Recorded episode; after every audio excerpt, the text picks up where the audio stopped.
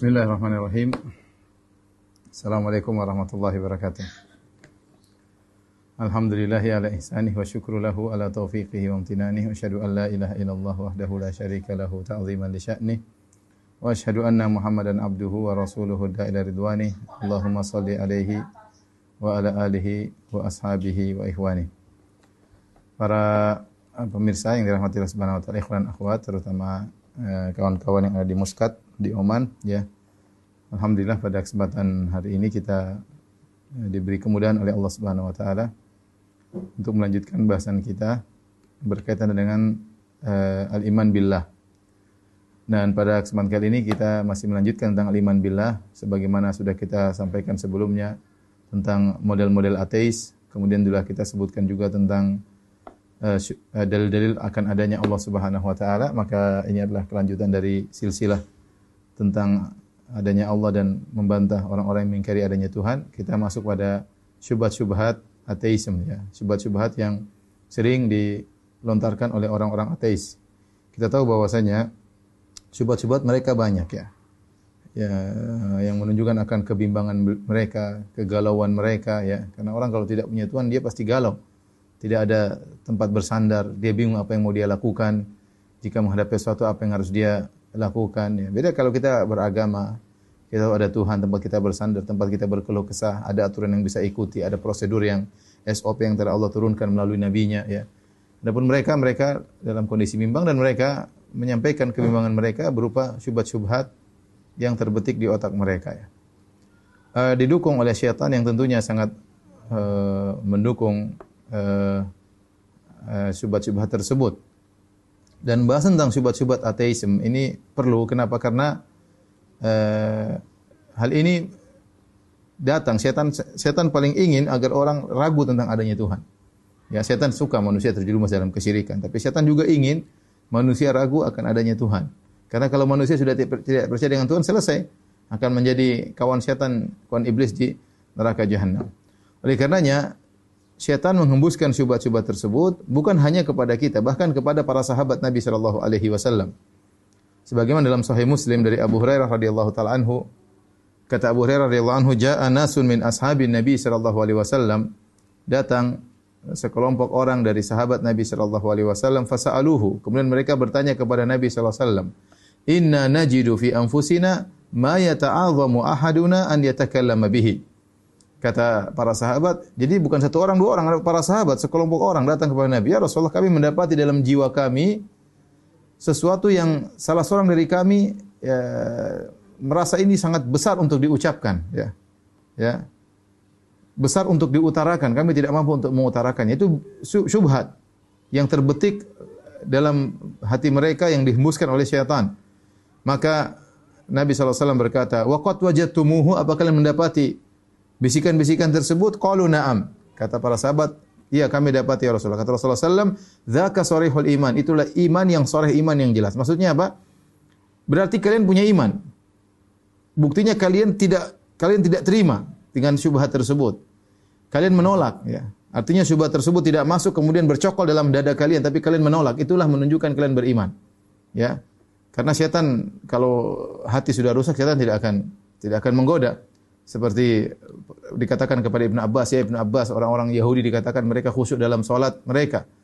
Maka beda dengan kita kita solat diganggu oleh syaitan kata uh, kata Ibn Abbas kaifa yati syaitan ala qalbin ala qalbin kharib? Kenapa syaitan datang kepada hati yang sudah rusak? Hati sudah rusak enggak usah digoda syaitan. Justru kita yang beriman yang kita punya ya ini yang diganggu syaitan agar kita tidak khusyuk diganggu ya diganggu. Oleh karenanya ketika seorang beriman kepada Allah Subhanahu wa taala yakin adanya Allah Subhanahu wa taala datang iblis bisikan-bisikan-bisikan tersebut namun hati kita tidak terima. Ya dan tatkala sampai sahabat mengatakan ya ma yata'azzamu ahaduna an yatakallama bih. Itu salah seorang dari kami merasa berat untuk mengutarakannya. Maka Nabi mengatakan awajadtumu wa qad wajadtumu kalian telah mendapati perasaan tersebut. Kata para sahabat na'am kata Nabi dzaka sharihul iman. Itulah iman yang benar. Kenapa iman kalian tidak tidak tentram dengan syubhat tersebut?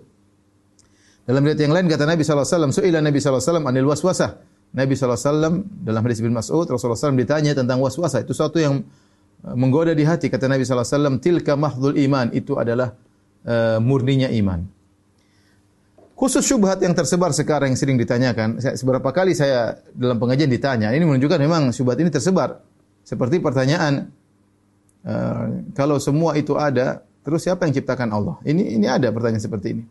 Mungkin per, pernah meng, hampir di hati sebagian dari kita, yang jelas menghampiri banyak hati banyak orang. Oleh karena saya sebagai dai saya sering ditanya berulang tentang pertanyaan ini. Menunjukkan syubhat itu ada, entah timbul dengan sendirinya karena syaitan atau dia mendengar dari mendengar dari uh, baca di internet atau mendengar dari ateis yang orang lain yang menyampaikan. Dan ini sudah ada sejak zaman Nabi wasallam. Rasulullah SAW mengabarkan kata Nabi sallallahu alaihi wasallam, "Lan yabruhan nasu yatasaaluna hatta yaqulu hadza Allahu khalaq khaliqu kulli syai. Faman khalaqallah?" Senantiasa orang-orang bertanya, bertanya sampai mereka berkata, Allah pencipta segala sesuatu. Faman khalaq Allah kalau gitu siapa yang ciptakan Allah? Allah mencipta segala sesuatu kalau siapa yang ciptakan Allah? Ini hadis riwayat Al Imam Al Bukhari dari Anas bin Malik. Demikian juga dalam hadis uh, Abu Hurairah radhiyallahu anhu Rasulullah SAW bersabda, "Ya'ti syaitanu ahadakum." Syaitan datang kepada salah seorang dari kalian, fayaqul. Syaitan berkata, "Man khalaqa kadza?" Siapa yang menciptakan ini? "Man khalaqa kadza?" Siapa yang menciptakan dalam riwayat yang lain, "Man khalaqa sama?" Siapa yang menciptakan langit? Man khalaqal arda? Siapa menciptakan bumi? Tentu jawabannya adalah Allah. Hatta yaqul sampai setan bertanya, iblis membisikkan dalam hati manusia, "Man khalaqa rabbak?" Kalau gitu siapa yang menciptakan Tuhanmu? Fa idza jika telah sampai seseorang dalam hatinya seperti ini, falyasta'idz billah, maka hendaknya dia berlindung kepada Allah. Bilang auzubillahi minasyaitonir rajim, wal yantahi hendaknya dia berhenti. Uh, dalam riwayat yang lain kata Nabi SAW, Faman wajada min dzalika syai'an, barang siapa mendapati syubhat seperti ini, falyakul amantu billah. Katakanlah aku beriman kepada Allah. Ini saya ingin sampaikan sebagai mukaddimah untuk menjelaskan bahwasanya uh, gangguan seperti ini bukan hal yang baru. Ini adalah salah satu uh, propaganda syaitan untuk membuat keraguan bagi orang-orang yang beriman dan ini sudah ada sejak zaman para sahabat radhiyallahu taala anhum. Oleh karenanya pada kesempatan kali ini mau tidak mau kita akan bahas sebagian syubhat-syubhat yang sering dilontarkan oleh orang-orang ateis ya. Sebenarnya ini kepanjangan dari perpanjangan dari apa yang telah kita bahas pada pertemuan lalu tentang dalil-dalil bahwasanya uh, Tuhan itu ada. Saya kumpulkan syubhat mereka ya ada beberapa syubhat. Uh, insya Allah mudah-mudahan kawan-kawan ya bisa memperhatikan dengan baik ya. Yang belum makan siang silahkan makan siang, yang belum sarapan sarapan dulu ya karena ini pembahasan butuh konsentrasi. Ya. Taib. Uh, kita akan saya sudah kumpulkan syubhat-syubhat tersebut. Saya akan uh, bacakan syubhat satu demi satu agar runut ya. Yang pertama ya. Syubhat yang pertama. Ini syubhat yang paling konyol ya. Yaitu perkataan mereka bahwasanya alam semesta terjadi dengan sendirinya. Sendirinya, tiba-tiba ya. Dengan sendirinya, dengan tiba-tiba. Kalau bahasa Arab namanya sudfah, ya. Yaitu terjadi dengan sendirinya. Tentu bantahannya sangat sangat mudah ya. ya bantahannya ya. Sudah kita bahas uh, pada pertemuan lalu, kita kembali kepada dalil-dalil tentang adanya Tuhan, ya. Tentang adanya Allah ini sudah kita bahas ya, adanya Tuhan. Di antara dalil tersebut, misalnya apa? Sudah kita bahas misalnya namanya uh, misalnya adalah uh, kita sebut tentang dalil jamal ya, tentang keindahan alam keindahan alam ya. Uh, kemudian contohnya misalnya uh, sudah kita bahas juga misalnya dalil uh, kokohnya atau itqannya dalil itqan alam ya sangat sempurna ya. ya. Kemudian dan lain-lain sudah nanti kawan-kawan bisa lihat di apa yang sudah saya bahas. Ingin saya sampaikan di sini bahwasanya Alam semesta ini terjadi tidak mungkin dengan sendirinya. Kenapa? Karena alam tercipta dengan misalnya itkon sangat sempurna, sangat sempurna. Misalnya manusia, ya. dengan alat-alat yang sempurna, kemudian dengan posisi yang sempurna, dengan anggota tubuh yang sempurna, bagian-bagian kecil dalam misalnya mata, dalam uh, jantung dan yang lainnya. Ini nggak mungkin terjadi dengan sendirinya dengan tiba-tiba. Dan tiba-tiba tidak mungkin juga berjalan terus tiba-tiba begitu terus nggak mungkin ya. Ya, misalnya begini, ada seorang ya anak se seorang dia bikin sesuatu dan dia berhasil. Ya, kalau dari 100 perbuatan mungkin berhasil cuma sekali, kita bilang mungkin tiba-tiba, ya kebetulan. Atau kita bilang apa? Sudfa apa istilahnya? Kebetulan. Tetapi kalau pada yang kedua ternyata sama lagi, pada yang ketiga sama lagi, pada yang keempat itu namanya bukan kebetulan, namanya kebetulan nggak mungkin berturut-turut begitu terus, itu nggak mungkin kebetulan. Sama kalau kita bilang manusia, contoh kita bilang manusia, fi anfusikum wa bersirun lihat apa diri kalian. Kalau manusia lahir jadi manusia, lahir jadi manusia, lahir jadi manusia terus, ya. Itu namanya bukan kebetulan, berarti ada yang ngatur. Kalau kebetulan harusnya sekali jadi monyet, sekali jadi manusia, jadi kambing, ya. Kemudian juga alam semesta misalnya matahari selalu berada pada orbitnya. Terus demikian. Teratur. Kalau kebetulan nggak mungkin begitu ya. ya nggak mungkin. Sementara kita makhluk yang Allah ciptakan ini masing-masing sempurna. Hewan dengan kesempurnaannya, bintang-bintang alam semesta di benda-benda langit dengan kesempurnaannya, manusia dengan kesempurnaannya, kemudian eh, teori-teori alam yang dengan kesempurnaannya, kemudian teori gravitasi dengan yang berjalan dengan aturannya. Kalau ini semua terjadi kebetulan nggak mungkin. nggak mungkin. Ini sudah kita bahas ya. Kita bilang bahwasanya siapa seperti keindahan. Kalau terjadi kebetulan kenapa ada keindahan? Ya. Kenapa lihat indahnya sunset, indahnya uh, kemudian sunrise, indahnya semua, kemudian banyak lah. Ini nggak mungkin kebetulan kita menunjukkan bahwasanya kebetulan itu hanyalah uh, dalil yang sangat lemah. Hanya orang bodoh yang tidak bisa berpikir hanya mengatakan ini terjadi dengan uh, kebetulan ya. Oleh karenanya dalil yang sering disampaikan oleh para ulama adalah tentang apa? Tentang kisah ya. Kisah uh, Abu Hanifah Abu Hanifah dengan ateis. Ini sudah saya sampaikan juga ya. Ketika beliau ber, ber, berdialog dengan orang ateis, kemudian beliau berkata, "Lihatlah, kau bayangkan ada sebuah kapal yang kemudian uh, mampir di Sungai Dujlah, kemudian tanpa nahkoda, tanpa anak buah kapal, kemudian barang-barang turun dengan sendirinya, setelah itu barang-barang diangkut lagi dengan sendirinya, kemudian kapal tersebut berlabuh kepada pelabuhan berikutnya juga dengan sendirinya tanpa ada nahkoda, maka mereka berkata itu mustahil. Maka ya, dengan mudah Abu Hanifah rahimahullah berkata, lihatlah alam semesta ini berjalan dengan teratur, nggak mungkin berjalan dengan sendirinya, pasti ada yang mengatur, dan itu semua tidak mungkin terjadi dengan tiba-tiba ya. Jadi ini syubhat yang paling yang paling uh, lemah ya, tapi ini sering diungkapkan terbeti dalam mereka ini semua terjadi dengan tiba-tiba ya. Terjadi dengan tiba-tiba. Ya saya kasih sederhana seperti ada orang bikin kue. Dia campur tepung, campur telur, tahu-tahu jadi kue bluder ya. Ya.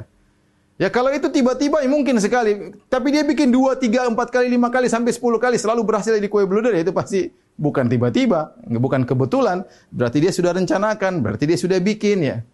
Tapi ini uh, bantahan. Kemudian bantahan yang kedua ya, kita punya kaedah ya, kaedah dasar. Ini sudah saya sebutkan juga ya. Bahwasanya semua akibat pasti ada sebabnya. Pasti ada sebabnya. Ini kaidah dasar yang dia adalah fitri dari sananya orang sudah tahu namanya akibat pasti ada sebabnya ya, pasti ada sebabnya. Kalau ada uh, spidol tadinya diam begini, tiba-tiba dia jatuh, kita bilang pasti ada sebabnya. Kalau nggak ada sebabnya, pasti spidol itu pada tempatnya tidak akan berubah, tidak akan jatuh. Tapi ketika dia jatuh pasti ada sebabnya. Kalau ada yang bilang dia bisa jatuh tanpa ada sebab, mustahil. Karena kalau tidak ada sebab, dia harusnya tetap pada posisi awalnya. Ya, pasti ada harus pada posisi awalnya. Dan kita tahu tidak mungkin baju yang saya pakai tiba-tiba ada tanpa ada sebabnya. Ya, tidak mungkin uh, alam semesta ini ya ada tanpa ada sebabnya. Ini sangat mendasar yang harusnya dipikirkan oleh orang-orang ateis sehingga mereka untuk mengatakan semua terjadi dengan tidak sengaja dengan tiba-tiba itu sangat mustahil. Probability kemungkinan itu sangat kecil. Ya. Itu pun terjadi sesekali. Adapun mereka katakan tiba-tiba ada uh, terjadi teori Big Bang tiba-tiba tanpa sengaja kemudian meledak, kemudian tanpa sengaja menjadi lautan, tanpa sengaja menjadi apa langit, tanpa sengaja menjadi bumi, tanpa sengaja menjadi hewan, tanpa sengaja. Ini semua nggak mungkin lah. Orang kalau logis nggak mungkin dia bilang ini semua tanpa sengaja dan kebetulan. Mustahil. Ya, mustahil. Tapi ini syubhat pertama saya rasa uh, mudah ya. Uh, kita lanjutkan syubhat yang kedua.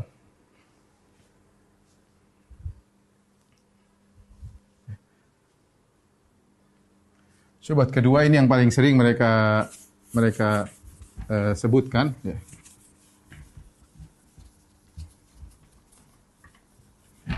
Inilah syubhat yang tadi saya singgung uh, sudah ada sejak zaman para sahabat radhiyallahu taala anhum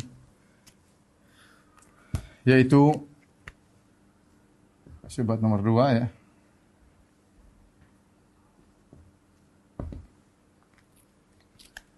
Ya, jika semua yang ada eh, eh, jika semua diciptakan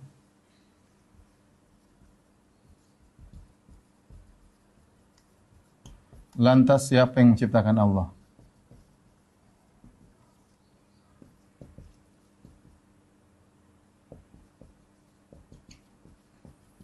ini juga sudah singgung sebenarnya, tapi kita singgung lagi supaya semakin uh, kokoh ya. Taib, mereka sering mengatakan, jika semua ada, diciptakan, lantas siapa yang menciptakan Allah Subhanahu Wa Taala? Uh, sebenarnya, sebenarnya uh, uh, sebelum saya uh, lanjut ya, saya ingin menyampaikan bahwasanya uh, perkara yang wujud, wujud itu ada dua ya. Jawab ya wujud ada dua ya. Pertama, wajibul wujud yang wujudnya wujudnya wajib ada. Yang kedua, yang wujudnya mungkin, tidak harus. Dalam kurung tidak wajib. Ada juga yang menambahkan, itu yang ketiga, yang wujudnya mustahil wujudnya mustahil. Wujudnya mustahil seperti apa? Contohnya seperti uh, menggabungkan dua kontradiksi. Menggabungkan dua hal yang kontradiksi. Contohnya apa? Contohnya seperti bagaimana menggabungkan antara bundaran dengan segi empat. Misalnya orang mengatakan, tolong bikin eh, bundaran segi empat. Ya nggak bisa bundaran segi empat, ya bundaran bundaran segi, segi empat. Atau mengatakan, coba bikin segitiga yang seginya ada empat. Ya mustahil, nggak bisa. Bagaimana cara bikin segitiga yang segi empat? Atau mengatakan, bisakah kamu naik ke bawah? Nggak mungkin, naik itu ke atas. Atau mengatakan, bisakah kamu turun ke turun ke atas? Nggak mungkin, namanya turun tuh ke bawah. Ini hal yang yang secara badahiyah, secara naluri, ini sudah pernah saya bahas, adalah suatu yang tidak mungkin terjadi. Namun yang ingin saya sampaikan yang fokus di sini adalah uh, yang wajib wujudnya ada ini secara logika dengan yang wujudnya mungkin atau tidak wajib. Nah, saya ingin jelaskan bahwasanya yang wujudnya mungkin ini ya hanya bisa terjadi, hanya bisa terjadi jika ada wajib wujud. Ya, ada yang wujudnya wajibul wujud, ya, wajibul wujud. Ya wujudnya ada itu disebut dengan wajibul wujud.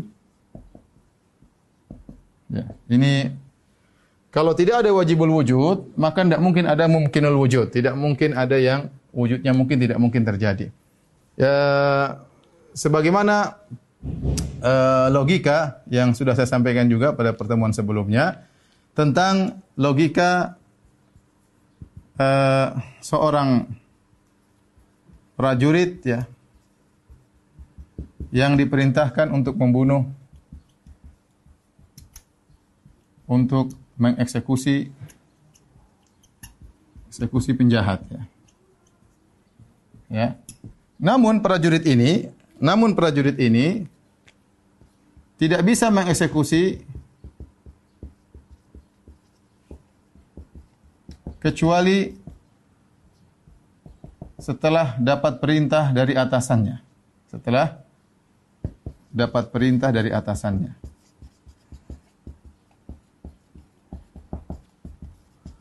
Baik. Selanjutnya, atasannya tidak bisa memerintah hingga diperintah lagi dari atasannya. Hingga diperintah lagi dari atasannya.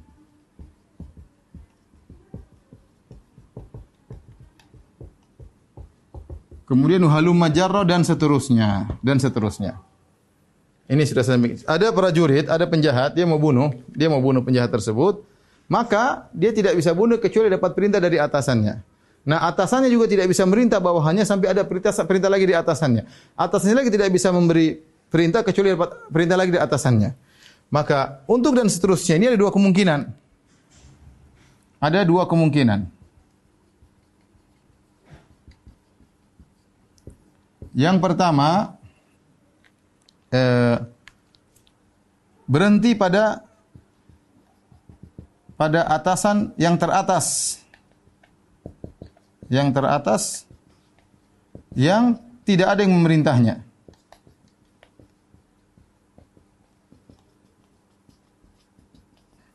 Yang kedua tidak berhenti dan tidak berhenti ya. Tidak berhenti silsilah perintah tersebut.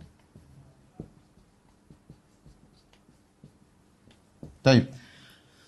Saya ajak lagi kembali kepada para pemirsa. Seandainya atasan tersebut tidak ada hentinya, selalu nunggu di atas, yang di atas nunggu lagi yang di atas, yang di atas nunggu lagi yang di atas dan seterusnya, maka tidak akan terjadi eksekusi. Ini kesimpulannya apa? Tidak akan terjadi eksekusi.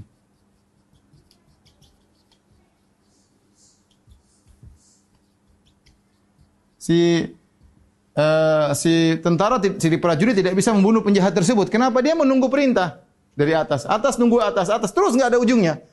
Tidak akan terjadi eksekusi. Kenapa? Karena ujungnya tidak ada berhentinya. Supaya terjadi eksekusi, maka harus ada atasan yang bisa memerintah tanpa menunggu atasnya lagi. Dia atasan teratas. Dia disebut dengan sebab sebab awal. Dia wajib ada. Wajib ada. Kalau tidak ada dia maka tidak akan terjadi eksekusi. Ini logika sederhana, tidak akan terjadi eksekusi. Taib, saya ulangi logika ini sangat penting, saya ulangi. Seorang prajurit diperintahkan untuk mengeksekusi penjahat, ya. Ya. Uh, dia tidak bisa namun aturannya tidak bisa mengeksekusi kecuali setelah dapat perintah dari atasannya. Atasannya juga tidak bisa memerintah kecuali dapat perintah lagi dari atasannya dan seterusnya. Dan seterusnya ini ada kemungkinan. Kemungkinan pertama, tidak berhenti pada silsilah perintah tersebut terus dan berhenti ada atasan-atasan terus. Prajurit nunggu ini, tunggu atasan, atasan lagi nunggu atas terus tidak ada ujungnya, maka tidak akan terjadi eksekusi. Karena ini tidak ada ujungnya. Supaya bisa terjadi eksekusi berarti harus ada atasan yang paling atas yang dia mengeluarkan perintah tanpa diperintah lagi atasannya. Baru bisa terjadi eksekusi. Adapun kalau dia masih nunggu yang atas lagi dan ujungnya tidak ada, maka tidak akan terjadi eksekusi. Nah, eh, atasan ini yang paling tertinggi ini yang berhenti semua pada dia, dia harus ada disebut dengan sebab awal. Kalau dia tidak ada, eksekusi tidak terjadi. Ini sederhana. Berarti ketika terjadi eksekusi, bisa kita simpulkan, jika terjadi eksekusi, berarti ada atasan awal yang dia sumber perintah.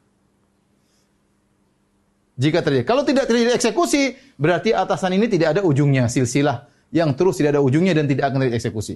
Nah, saya ingin logikakan kepada para pemirsa bahwasanya logika saya tentang eksekusi ini adalah alam semesta.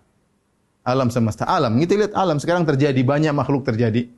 Kita sekarang ikut logika. Makhluk ini tidak terjadi kecuali ada yang membuat dia. Sebab ini ada tidak jadi kecuali sebab yang berikutnya. Contoh kita bicara tentang hujan.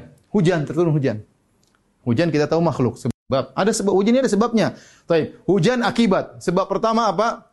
Sebab pertama adanya air turun dari langit, maka disebut hujan. Tapi sebab berikutnya Uh, sebab berikutnya, sebab yang menyebabkan sebab itu apa? Adanya awan yang tebal yang hitam. Taib. Sebab awan hitam itu apa? Karena berkumpulnya awan-awan menjadi satu. Taib. Sebab berkumpulnya menjadi satu apa? Karena ada angin yang menggiring. Angin itu dari mana? Ya ada yang kirim angin tersebut. Air awan dia angin dari mana? Dari uap air. Uap air dari mana? Dari laut. Laut dari mana? Terus harus ada ujungnya. Kalau nggak ada silsilahnya tidak terjadi hujan. Jadi ya sebab sebab sebab sebab terus. Sama kita bantah perkataan iblis kepada manusia. Allah menciptakan langit. Iya, benar. Allah menciptakan bumi. Iya, Allah menciptakan. Terus siapa yang menciptakan Allah? Kita bilang kalau silsilah itu kita tidak berhenti, maka tidak ada alam semesta. Kenyataannya alam semesta ada. Sekarang di hadapan kita dua kemungkinan. Ada makhluk atau tidak ada makhluk. Kemungkinan pertama, tidak ada makhluk. Kalau tidak ada makhluk, berarti tadi silsilah pencipta tidak ada hentinya. Dan ini kalau tidak ada ujungnya, berarti tidak ada. Kalau kita katakan, alam tidak bisa dicipta kecuali ada pencipta dan pencipta itu tidak bisa mencipta kecuali ada penciptanya sebelumnya. Kalau pencipta itu tidak bisa mencipta kecuali pencipta sebelumnya dan tidak ada ujungnya, tidak ada makhluk yang tercipta. Tidak ada makhluk yang tercipta. Tatkala kita tahu ternyata makhluk itu ada dan dia mungkin wujud, dia darinya dia tidak wajib wujud, tapi dia bisa jadi ada, bisa jadi tidak ada. Dan dia ketika ada, dia harus kembali kepada ada yang namanya wajibul wujud, sebab utama yang mengadakan. Saya ulangi para ikhwan yang rahmatillah subhanahu wa ta'ala. Logika sederhana. Uh, kalau kita ikuti logika iblis, iblis mengatakan tidak ada yang mencipta ini kecuali ini. Tidak ada yang mencipta ini kecuali Allah. Kalau gitu Allah siapa yang ciptakan? Nah kalau ada yang ciptakan Allah, terus siapa lagi ciptakan yang ciptakan Allah? Kalau yang ciptakan Allah siapa lagi? Ah ini kalau nggak ada berhentinya, maka alam tidak ada. Alam tidak ada. Berarti tidak ada eksekusi. Ketika alam ada, berarti ada pencipta awal yang disebut dengan sebab awal. Dialah wajibul wujud, Dialah Allah Subhanahu wa taala, dialah Tuhan. Inilah Allah ya. Atau Tuhan. Supaya ada eksekusi. Mudah-mudahan para pemirsa bisa bisa paham. Ini syubhat paling utama yang sering ditanyakan tentang hal ini. Ya. Uh, saya ingin sampaikan logika berpikir yang salah dalam ini, logika orang-orang ateis. Coba di sini. Uh, logika orang ateis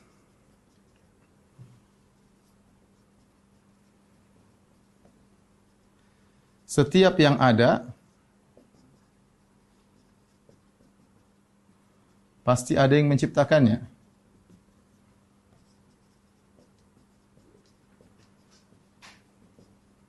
Ini logika keliru, ini logika keliru, ini logika yang salah.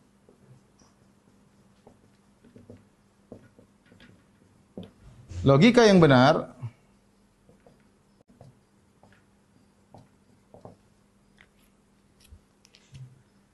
Setiap yang muhdas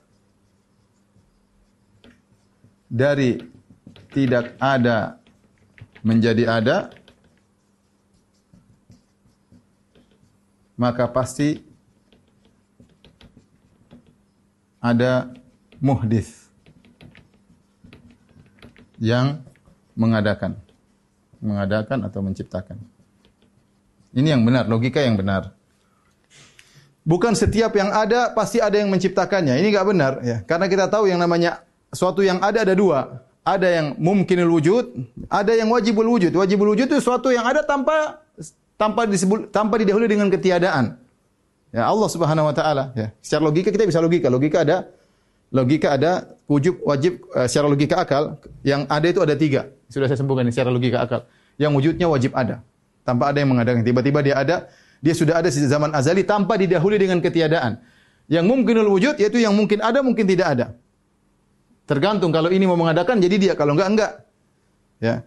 Seperti kita kita manusia makhluk wajibnya tidak ada wujudnya tidak wajib. Kalau ada oke okay, enggak juga enggak ada masalah Ya, tetapi wajibul wujud dia harus ada dan dia azali tanpa didahului dengan ketiadaan.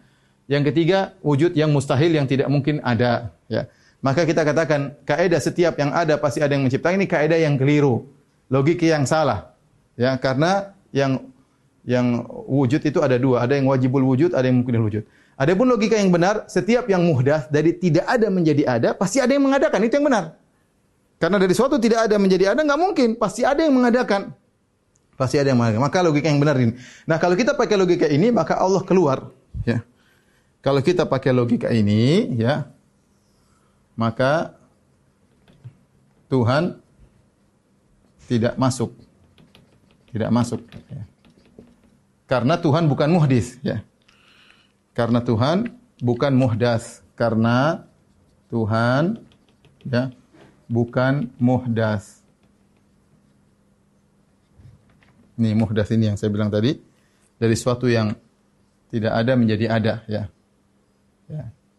Adapun kalau ini mereka ingin masukkan Tuhan dalam kaidah ini, tapi sudah kita katakan tadi logika yang yang keliru ya, logika yang keliru. Tapi ini syubhat pertama ya. Uh, kalau sudah tolong dihapus.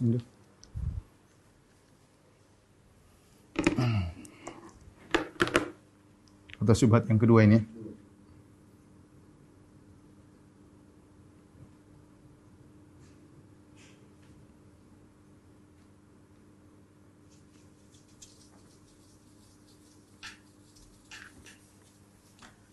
Kita lanjutkan. Oleh karenanya, ketika uh, Nabi berbicara tentang syubhat ini yang datang kepada para sahabat, maka Nabi memberi dua memberi dua solusi. Nabi sallallahu alaihi wasallam, "Fa idza balaghahu dzalik," ya. Kata Nabi sallallahu alaihi wasallam, ya. Uh, jika hal itu sampai kepadanya yaitu syaitan ya'ti ahadukum syaitan ya'ti syaitan ila ahadikum fayaqul man khalaqa kadza syaitan datang kepada salah seorang dari kalian ya'ti syaitan ahadakum syaitan datang kepada salah seorang kalian syaitan berkata man khalaqa kadza siapa yang ciptakan siapa yang ciptakan ini? Siapa yang menciptakan Tuhan?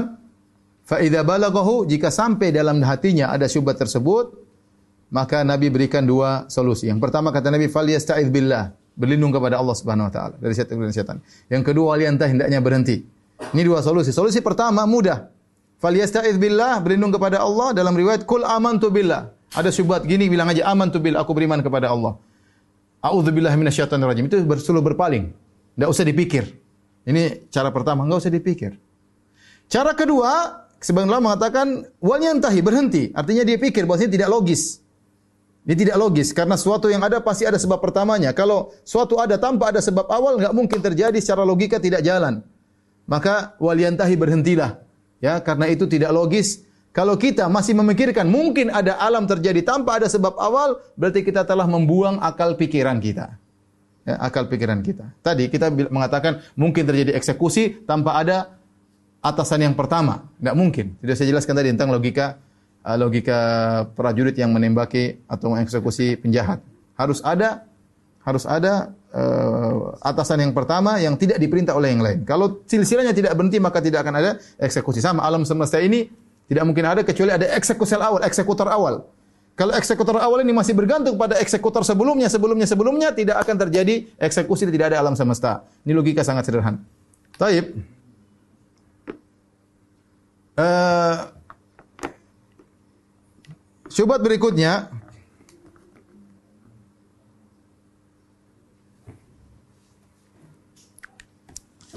Orang ateis tidak mau kalah, mereka bikin syubhat lagi. Syubhat ketiga.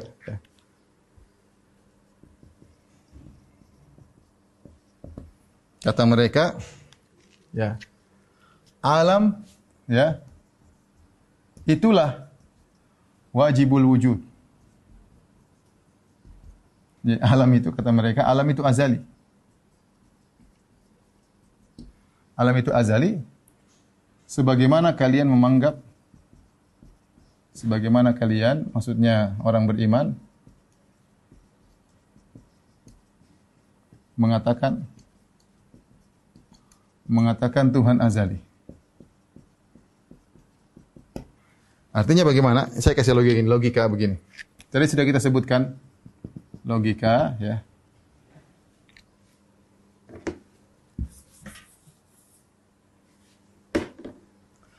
Logika, tadi kita bilang wujud ya ada tiga. Yang pertama yang wajib wujud. Yang wajib wujudnya ini artinya azali. Tanpa didahului oleh ketiadaan. Yang kedua adalah mungkin wujud, mungkin wujudnya, mungkin wujudnya. Ini didahului dengan ketiadaan. Didahului oleh ketiadaan. Tinggal dia uh, mungkin wujud atau tidak, dilihat ada sebab atau tidak. Tapi dia didahului ketiadaan. Kalaupun dia ada, didahului dengan ketiadaan. Seperti kita makhluk manusia. Yang ketiga yang mustahil wujudnya. Sudah tadi kita contohkan. Taib. Kita orang beriman, orang beriman mengatakan yang wajib wujudnya inilah Tuhan. Tuhan. Yang mungkin wujudnya inilah makhluk. Sudah kita jelaskan tadi. Nah, orang-orang ateis ingin mengatakan bahwasanya yang wajib wujudnya itu bukan Tuhan, tapi alam saja, alam semesta. Alam sudah begitu dari sananya. Jadi bukan Tuhan yang mengadakan, dia sudah wajibul wujud sejak awal. Bagaimana bantahannya? Bantahannya sangat mudah ya. Taib. Pertama ya, bantahannya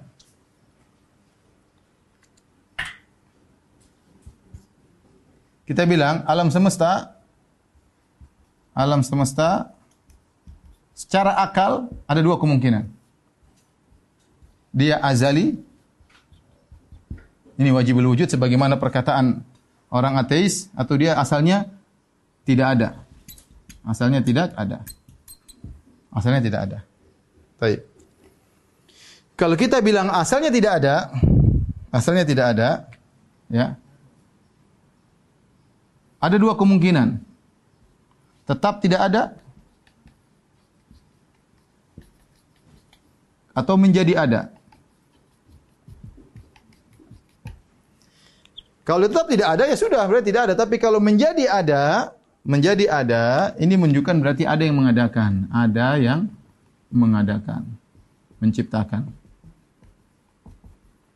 Kenapa? Karena tidak mungkin alam tadinya tidak ada, kemudian berubah menjadi ada, kecuali ada sebab. Kecuali ada sebab. Karena kalau tidak ada sebab, maka alam tetap tidak ada. Jadi saya katakan, kalau dia tidak ada, ada dua kemungkinan. Tetap tidak ada berarti tanpa sebab. Sebabnya tidak ada berarti tidak ada sebab. Tidak ada sebab ya. Maka tetap tidak ada. Kalau menjadi ada berarti ada sebab. Ada sebab yang menciptakan. Inilah yang disebut dengan apa? Tuhan. Inilah akidahnya orang-orang beriman. Alam tadinya tidak ada menjadi ada karena ada Tuhan. Taib. Orang-orang ateis ingin membawa pada pola pikir yang kedua, kata mereka azali. Dari sana tidak ada, tidak ada yang menciptakan. Ya.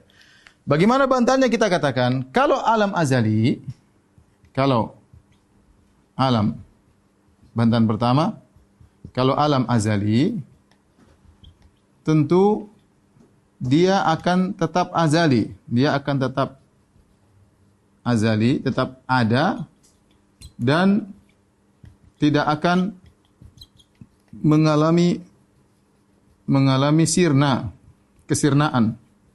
Ya, karena hukum asal dia ada.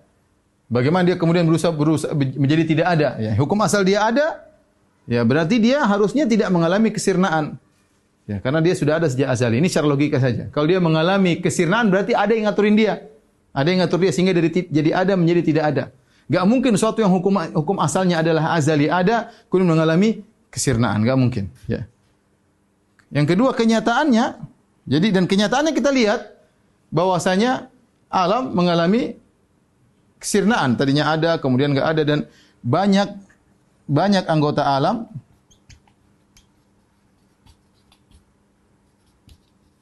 yang tadinya tidak ada. Taib. Saya katakan, bukankah di anggota alam adalah saya dan kamu, hai orang ateis? Kita ini manusia. Anggota alam semesta. Alam semesta kan kita, hewan, bu, apa burung, kemudian pohon, kemudian laut. Bukankah banyak anggota alam tadinya tidak ada? Saya dan kamu dulu tidak ada 100 tahun yang lalu, kemudian kita ada. Berarti kita termasuk alam. Kalau kita termasuk alam, mesti kita azali, harusnya kita ada sejak azali dan kita tidak akan sirna. Buktinya kita dari tidak ada, menjadi ada, dan akan sirna. Berarti kita hukum asalnya bukan azali. Berarti kita hukum asalnya tidak ada. Buktinya apa? Kita mengalami perubahan. Kalau kita hukum asalnya asalnya azali, kita tidak akan pernah sirna karena kita hukum asal. Kalau ada yang bisa merubah dari hukum asal ada menjadi tidak ada, berarti ada faktor luar, faktor luar Tuhan. Sementara kalian mengingkari adanya Tuhan. Berarti kalau dia azali, asalnya tidak akan mengalami kesirnaan. Bantahan kedua, kenyataannya banyak anggota alam yang tadinya tidak ada, kemudian menjadi ada, kemudian sirna kembali. Berarti omong kosong kalau kita katakan alam semesta adalah azali. Orang ateis masih masih berusaha mengejar ini. Kata mereka, ya, kata mereka, syubhat berikutnya,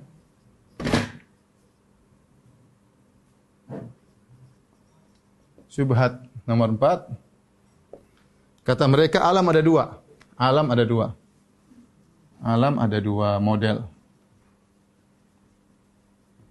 Kata mereka, e, bintang, matahari, benda-benda langit, benda-benda langit ini azali. Kemudian benda-benda bumi, manusia, hewan, tumbuhan, tumbuhan ini uh, tidak azali. Kata mereka, kita sepakat kita sepakat bahwasanya uh, benda ini kita sepakat dengan orang beriman, kata mereka, kita sepakat benda-benda benda-benda bumi seperti manusia, hewan, tumbuhan tidak azali. Tetapi menurut mereka bintang-bintang benda langit ini adalah azali. Jadi mereka masih tetap ingin mengatakan bahwasanya bintang-bintang benda langit ini azali, dari bintang-bintang inilah kemudian muncul manusia. Dari sinilah dan inilah sumber sumber uh, alam yang alam yang tidak azali. Mereka masih mikir lagi, ah, jadi kalau bintang langit semua itu azal dari sananya. Kemudian berproses, berproses, berproses, kemudian muncullah makhluk-makhluk yang tidak azali. Ini tentunya syubhat mereka dan kita bilang ini juga tidak benar ya.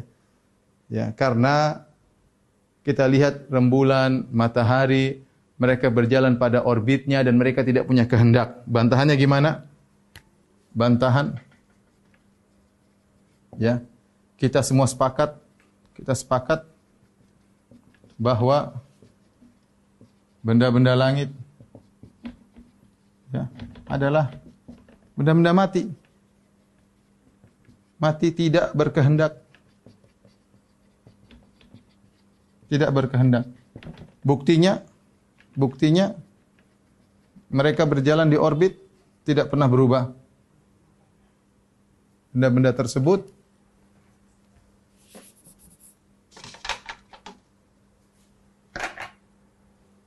Buktinya benda-benda tersebut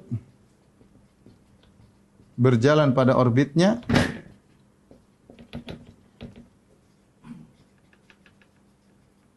tidak pernah berubah.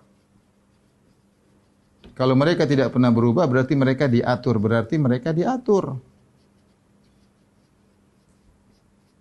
Mustahil mereka diatur. Mustahil benda-benda langit yang tidak pernah berubah jalannya selalu pada orbitnya.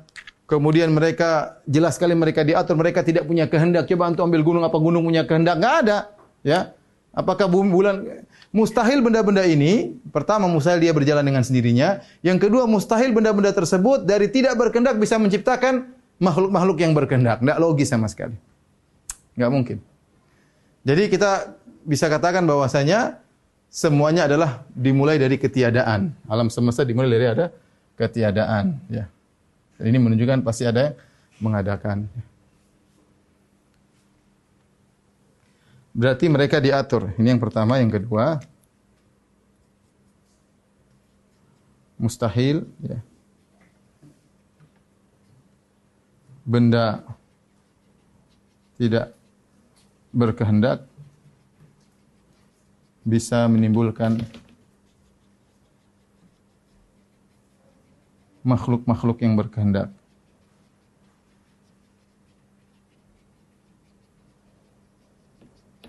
Taib. Ini syubhat yang keempat. Kalau sudah tolong dihapus.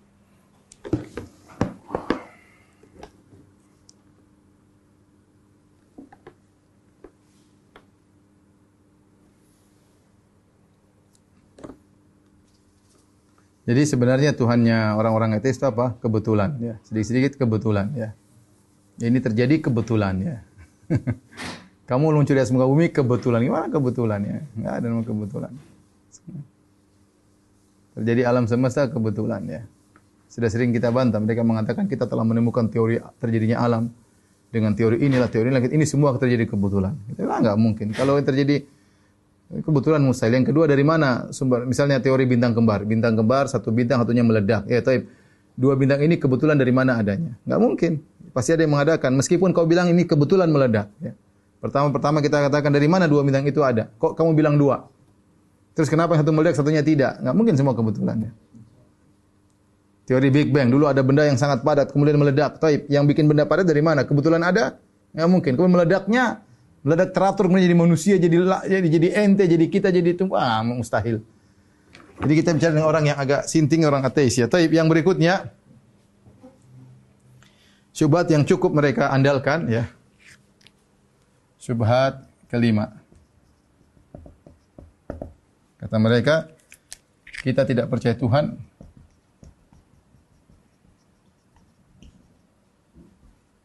Karena tidak pernah lihat. Karena tidak pernah lihat. Karena tidak pernah lihat. Ini sering. Ini Tuhan ada. Kalau ada, mana buktinya? Tuhan, apa susahnya Tuhan melihatkan kita? Ada Tuhan selesai urusan. Oh Tuhan tunjukkan. Oh iya kita percaya ada Tuhan. Ini Tuhan kita tidak pernah lihat. Bagaimana bantahannya? Ini sering juga mereka sampaikan. Bantahan. Ada beberapa bantahan. Yang pertama, uh, kaedah ya. Kaedah adamu dalil al-muayyan la yadullu ala adamil ad-madlul al-muayyan. Ini kaidah disebut oleh Ibn Taimiyah rahimahullahu taala. Kaidah ini maksudnya apa? E, maksudnya tidak adanya satu indikator tertentu tertentu bukan berarti sesuatu itu tidak ada. Sesuatu itu tidak ada. Karena bisa jadi ditunjukkan oleh indikator yang lain. oleh indikator yang lain. Logika sederhana. Logika adanya Budi, Pak Budi di rumah adanya Pak Budi di rumah banyak dalilnya, banyak indikatornya. Contohnya apa? Ada sendalnya. Sendalnya depan pintu. Berarti dia lagi di rumah. Kalau nggak ada, sendalnya nggak ada depan pintu. Contohnya apa? Kelihatan dari luar ada dia. Contohnya apa lagi? Mobilnya ada, lagi diparkir. Mobilnya ada, lagi diparkir. Contohnya apa? suaranya kedengaran dari dalam. Eh, suaranya kedengaran dari luar. Meskipun tidak kelihatan. Ini ingin saya sampaikan. Budi ada di rumah, dalilnya banyak. Bisa ada sendalnya, oh ada. Buktinya ada sendalnya. Ya. Atau kelihatan dari luar, oh dia, dia lagi dalam rumah ini. Kita kelihatan lagi di, di, di balik kaca, dia lagi telepon. Ketika mobilnya ada, mobilnya ada berarti biasanya kalau dia keluar mobilnya selalu nggak ada. Ini mobilnya berarti dia ada. Atau Suaranya kita nggak lihat tapi kita dengar dia teriak-teriak di luar berarti dia ada. Nah, kalau tidak ada dalil ini, tidak kelihatan dari luar, bukan berarti budi nggak ada karena bisa ditunjukkan dengan dalil-dalil yang yang lain. Saya ulangi logik sederhana. Budi ada di rumah, kalau kamu tidak lihat bukan berarti dia tidak ada, bisa jadi ada sendalnya, bisa jadi mobilnya lagi diparkir menunjukkan dia ada, bisa jadi suaranya kedengaran dari dari luar.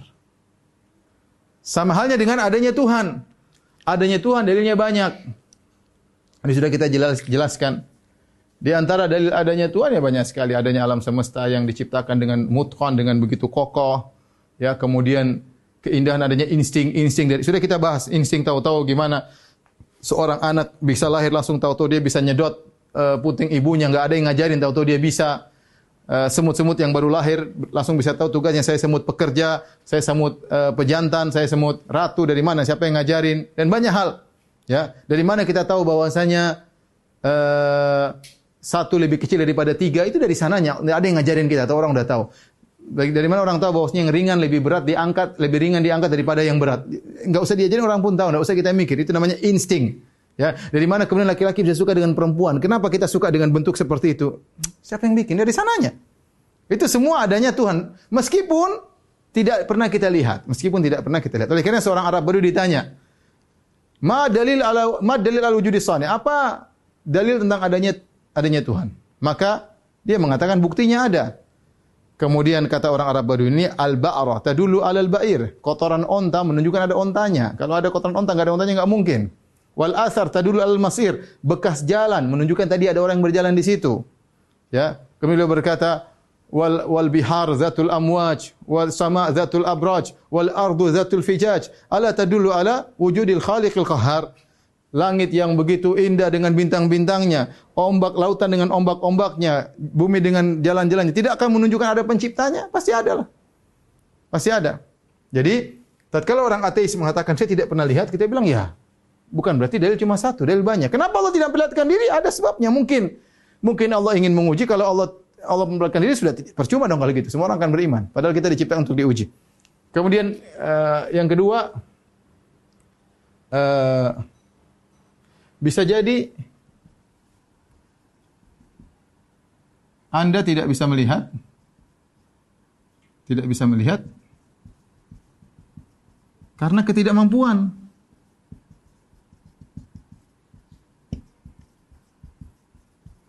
Bukan karena tidak ada. Contoh apa? Contoh banyak. Contoh jin, ya. Contoh jin. Contoh jin, ya ruh. Ini ada atau tidak ada? Ada, jin. Jin ada kita nggak nggak pernah lihat jin. Tapi kita tahu ada buktinya. Buktinya apa? Buktinya ada orang Jawa atau tahu bisa ngomong Arab. Gimana dia bisa ngomong Arab? Ada jin Arab masuk dalam dirinya. Kita nggak mungkin ini pasti. Tapi kita nggak pernah lihat. Kenapa kita nggak bisa lihat? Karena kita nggak mampu untuk melihat. Bukan berarti dia tidak ada. Dia ada, tapi kita nggak bisa. Ruh yang ada tubuh kita. Kita tahu ruh itu ada, tapi kita nggak bisa lihat. Banyak hal-hal tidak bisa kita lihat mungkin karena terlalu kecil seperti virus corona atau memang apa namanya alat di mata kita nggak ada untuk bisa melihat ya banyak banyak hal suara yang kita tidak bisa kenal bukan berarti tidak ada suaranya ya gelombang-gelombang nggak bisa kita harus tangkap suara tersebut dengan alat telepon sehingga gelombang-gelombang itu bisa kita dengar banyak hal yang tidak bisa terlihat tapi ada ya kita bilang uh, Allah ada tapi kita nggak bisa melihat dan Allah tidak memperlihatkan dirinya jadi dalil bahwasanya sesuatu yang ada harus bisa dilihat itu tidak benar suatu yang ada harus bisa dilihat, itu secara logis tidak logis. Saya ulangi, suatu yang ada harus bisa dilihat, itu bukan suatu yang logis. Banyak hal yang ada meskipun kita tidak lihat. Ya. Jadi uh, ini bantahan yang yang kedua. Yang ketiga, ya banyak teori-teori, teori-teori yang ditetapkan tanpa terlihat. Contoh ya, contoh teori gravitasi. Teori gravitasi. Teori gaya. Teori apa? Elektron eh, elektron proton neutron Kita percaya ada gaya gravitasi. Mungkin nggak pernah lihat. Ada gaya sentrifugal lah, gaya gravitasi. Nggak pernah lihat, tapi kita percaya ada gaya tersebut. Elektron proton itu nggak pernah lihat. Jadi banyak yang kita tetapkan teori-teori meskipun kita nggak lihat, tapi kita tahu itu ada. Jadi maksud saya logika tidak logis menyatakan ya, tidak logis menyatakan suatu yang ada harus terlihat. Tidak logis menyatakan jika tidak terlihat pasti tidak ada.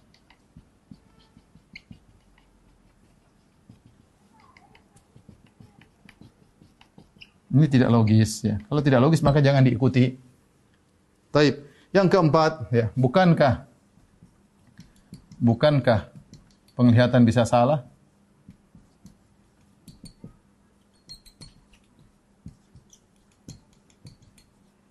Contoh kayu lurus terlihat bengkok terlihat bengkok dalam air. Contoh sederhana, kalau Anda berpandang bahwasanya sesuatu yang dilihat mata pasti benar, banyak yang keliru dilihat mata.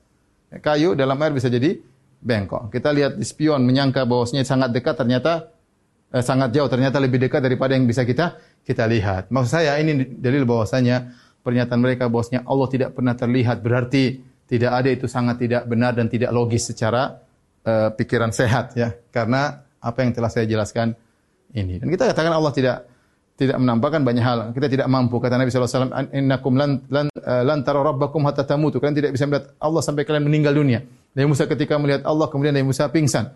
Ketika Nabi naik di Sidratul Muntaha ditanya, Hal ra'aita rabbak? Kau lihat Rabbmu? Kata Nabi, Nurun anna aru ada cahaya menghalang. Bagaimana saya bisa melihat? Maka kata Nabi, Lan tamutu, lan tara rabbakum hatta tamutu. Kalian tidak bisa melihat Allah sampai kalian mati. Banyak hal. Malaikat kita tidak bisa lihat. Malaikat tidak bisa lihat. Banyak hal. Ya. Taib, uh, tolong dihapus. Kita lanjutkan uh, syubhat berikutnya.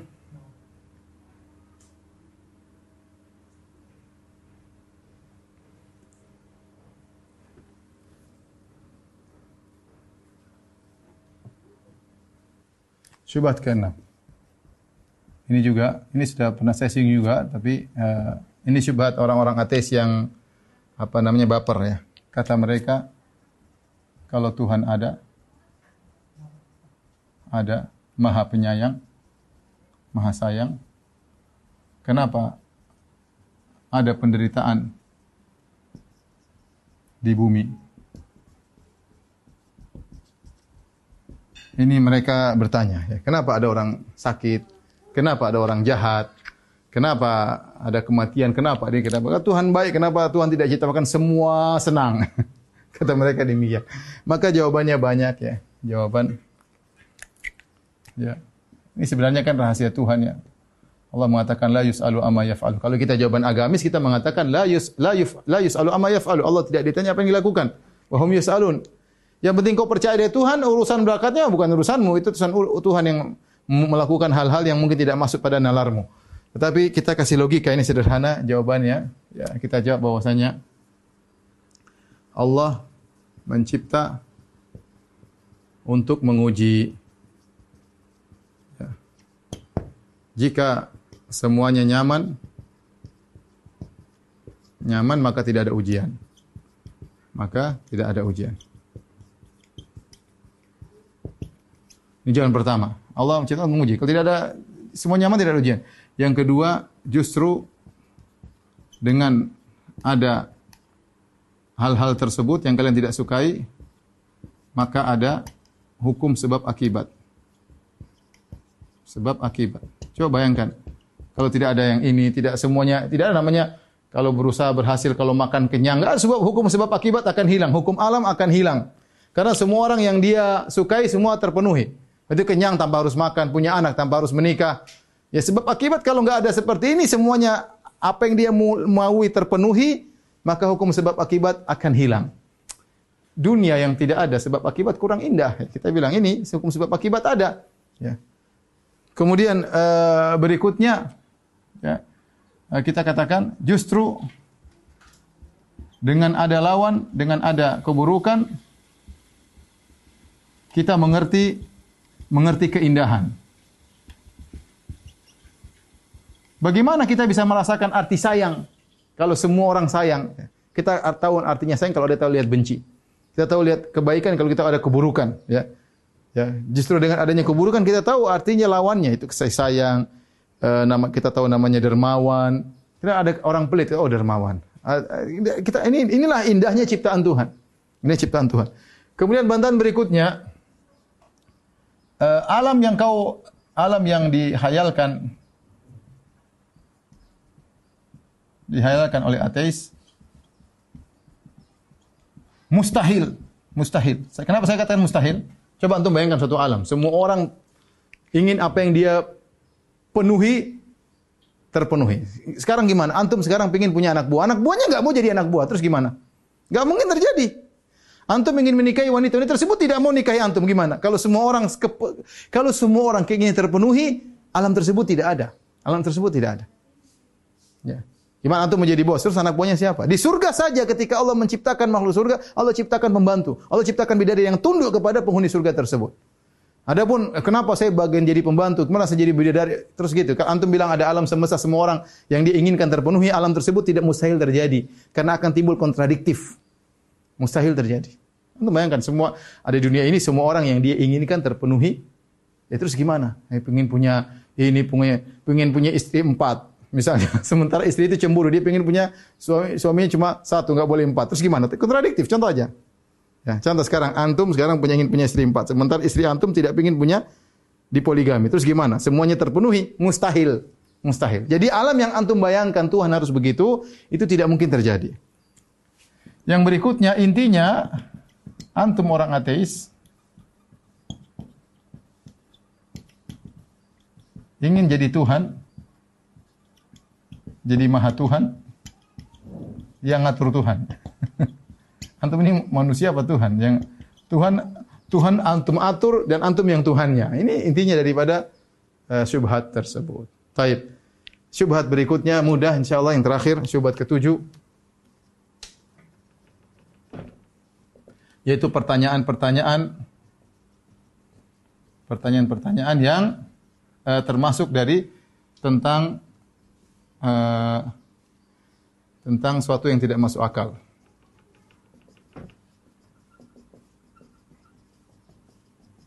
Hal ini uh, contoh, apakah Tuhan bisa menciptakan seperti dia? Contoh, apakah Tuhan satu? Apakah Tuhan bisa menciptakan sebisalnya? Bukankah dia Maha Mencipta? Yang seperti Tuhan? Yang kedua, bisakah Tuhan menciptakan batu yang lebih besar darinya, batu yang lebih besar darinya.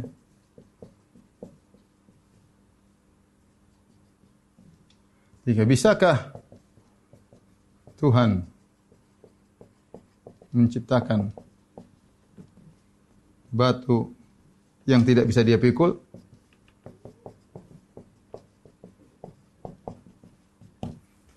Ini pertanyaan-pertanyaan yang disampaikan orang ateis ya. Dan ini semua adalah termasuk model wujud ketiga. Model wujud yang ketiga yaitu yang mustahil. Kenapa mustahil? Karena kita punya kaedah, kita punya kaedah namanya kaedah dasar. Karena ada kaedah dasar,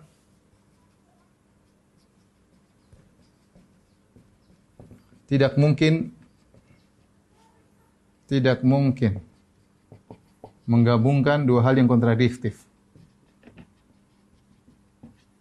dua hal yang kontradiktif. Seperti saya katakan tadi, bisakah naik sekaligus turun? Nggak mungkin. Bisakah kita buat uh, bundaran segi empat? Ya nggak bisa. Bundaran, bundaran segi empat, segi empat nggak mungkin. Bisakah kita buat segitiga yang seginya enam? Ya nggak mungkin. Segi enam yang segi enam. Ini sama. Bisakah Tuhan menciptakan seperti Tuhan? Ya nggak mungkin. Tuhan itu tidak diciptakan. Kalau dia menciptakan Tuhan, berarti Tuhan yang diciptakan namanya makhluk, bukan Tuhan. Tuhan sekaligus makhluk mustahil. Tuhan itu syaratnya tidak diciptakan, dia menciptakan. Bagaimana Tuhan menciptakan Tuhan? Ini suatu yang mustahil. Bisakah Tuhan menciptakan batu yang besar darinya? Enggak bisa karena Allah Allahu Akbar. Allahu Akbar, Allah Maha besar. Bagaimana menciptakan sesuatu lebih besar daripada Allah? Kalau dia bisa lebih besar berarti dia bukan Allahu Akbar, berarti kontradiktif. Sama, bisakah Tuhan menciptakan batu tidak bisa dipikul? Enggak mungkin. Allah Maha kuasa segala sesuatu, ini tidak mungkin terjadi. Sama, bisakah turun ke atas, bisakah naik ke bawah? Ini sama seperti namanya hal-hal yang kontradiktif. Itu hanya hal yang uh, mainan akal saja, tapi dia tidak ada di alam nyata. Yang termasuk dari wujud model ketiga, kita bilang ada wajibul wujud, mungkinul wujud, ada yang mustahil wujud. Inilah para ikhwan dan pemirsa yang dirahmati Allah Subhanahu wa taala dan akhwat, beberapa syubhat-syubhat orang-orang ateis ya. Uh, kita perlu tahu ya, karena syubhat-syubhat tersebut mulai tersebar di zaman sekarang dan bisa saja kita ditanya oleh anak kita dan sebagian orang ditanya, "Mami, siapa yang ciptakan Tuhan ya?" Kita harus jelasin, ya. Bisa dengan cara bilang auzubillahi minasyaitonirrajim sebagai Nabi ajarkan atau dengan kita jelaskan secara logika. Tapi demikian saja apa yang bisa saya sampaikan pada kesempatan ini. Semoga Allah menjaga iman kita dan jauhkan dari syubhat-syubhat ya. Dan semoga Allah mewafatkan dalam kondisi bertauhid kepada Allah Subhanahu wa taala. Ya rabbal alamin. Wabillahi taufiq wal hidayah. Assalamualaikum warahmatullahi wabarakatuh. Ayo, segera download Quran Tadabbur, tafsir dalam genggaman Anda.